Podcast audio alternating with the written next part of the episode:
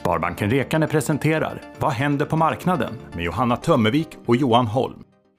Hej! Nu har det blivit dags för sista uppdateringen inför sommaren av vad som händer på marknaden. Jag och Johanna Tömmervik står här tillsammans med Johan Holm från eh, Private Banking på Sparbanken Rekane. Ja.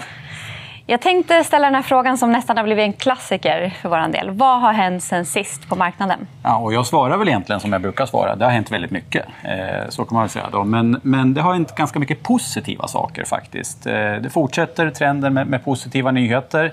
Vi har sett att antal fall eh, i covid-19 har minskat, framför framförallt i Europa. Och det här har fått till följd också att många europeiska länder börjar lätta upp och öppna upp sina ekonomier. Ett ganska tydligt exempel på det, det är ju faktiskt att nu är det många länder som öppnar upp för turismen igen här. Så att, eh, det är ju positivt. Då. Eh, tittar man i USA så har det varit däremot ganska turbulent sista, sista tiden. skulle jag vilja säga. Dels har man haft en ganska konkret stigande arbetslöshet, försämrad konjunktur till följd av covid-19. Det har varit ganska omfattande demonstrationer också av olika orsaker i USA. Och vi har ju sett opinionsmätningarna inför presidentvalet indikerar ju att Trump ligger under just nu, vilket gör att det är ganska stor press på, på president Trump här. Och det, det blir ju lite intressant att se naturligtvis hur det kommer få för följdverkningar här när vi kommer fram eh, närmare, närmare presidentvalet. Då. Tittar man på de finansiella marknaderna så har det faktiskt varit ganska positivt skulle jag vilja säga. Det är enstaka dagar veckor kanske som det har varit lite stökigt, men trenden har varit fortsatt positivt. Och det som hjälper där framför allt, och det är ju alla de här omfattande stödpaketen vi har fått från centralbanker och nationer och så vidare. Och senast bara för några dagar sedan då kom amerikanska centralbanken Federal Reserve med ett nytt stödpaket. Så att, eh, fortsatt positivt skulle man kunna säga.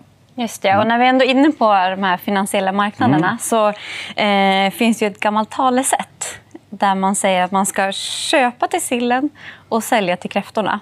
Ja. Eh, hur, hur, aktuellt är det och skulle du hålla med om att det är så? Nej, jag skulle nog vilja säga att, eh, som du var inne på, det är ett gammalt talesätt. Jag tycker inte att man ska ta för, ta för stor, lägga för stor vikt på det egentligen. Eh, utan det är väl snarare så att tittar man, det har faktiskt gjorts undersökningar, tittar man de senaste 20-25 åren så är det faktiskt så att sommaren har varit generellt en ganska trist period att äga aktier. Och dessutom finns det ju faktiskt ett amerikanskt talesätt som säger att man ska sell in May and stay away. Så att det talar ju för det motsatta egentligen. Så att, sell in May and stay away. Exakt. Mm. Men det kan man väl säga det så att, att jag tycker att varje period är unik. Nu har vi ett speciellt år 2020 med, med covid-19 som har ställt allt på ända och så vidare. Och framför allt när det gäller aktier och aktiesparande, det är ju långsiktighet som gäller. Så att eh, äga aktier två, tre månader, det tycker jag kanske inte är en... Det är ingen, ingenting vi rekommenderar i alla fall. Ja, just det. Men vad är det man ska ha koll på då, eh, under den här tiden? Mm. Nu går vi in i sommaren här. och Vad är det som kan påverka de finansiella marknaderna? Jag tycker framför allt att det är tre saker man ska hålla, till, hålla koll på. Det är ju just det här som vi var inne på. Många länder öppnar upp nu sina ekonomier.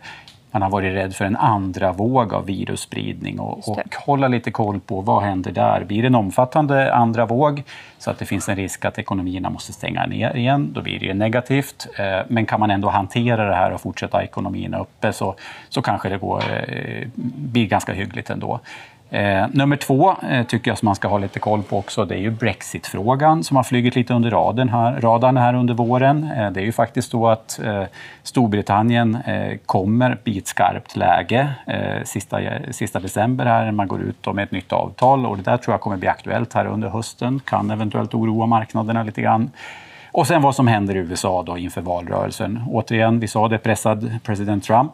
Eh, vi har sett redan små signaler om att han, han eh, börjar hitta andra eh, fiender så att säga. Då. Och eh, här skulle den här gamla frågan då med Kina och eventuellt handelskrig mot Kina skulle kunna vara en sån grej som dyker upp på radarn igen. Och det skulle kunna skaka till och bli lite oroligt. Då. Så att, eh, andra våg av virusspridning, Brexit och USA-Kina skulle jag säga de tre saker, de stora sakerna man ska hålla koll på ganska händelserik sommar.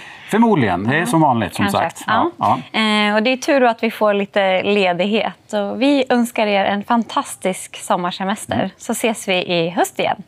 Tack så mycket. Tack så mycket. Hej då! Hej. Vad händer på marknaden presenteras av Sparbanken Rekane, en lokal bank i Eskilstuna och Strängnäs kommuner.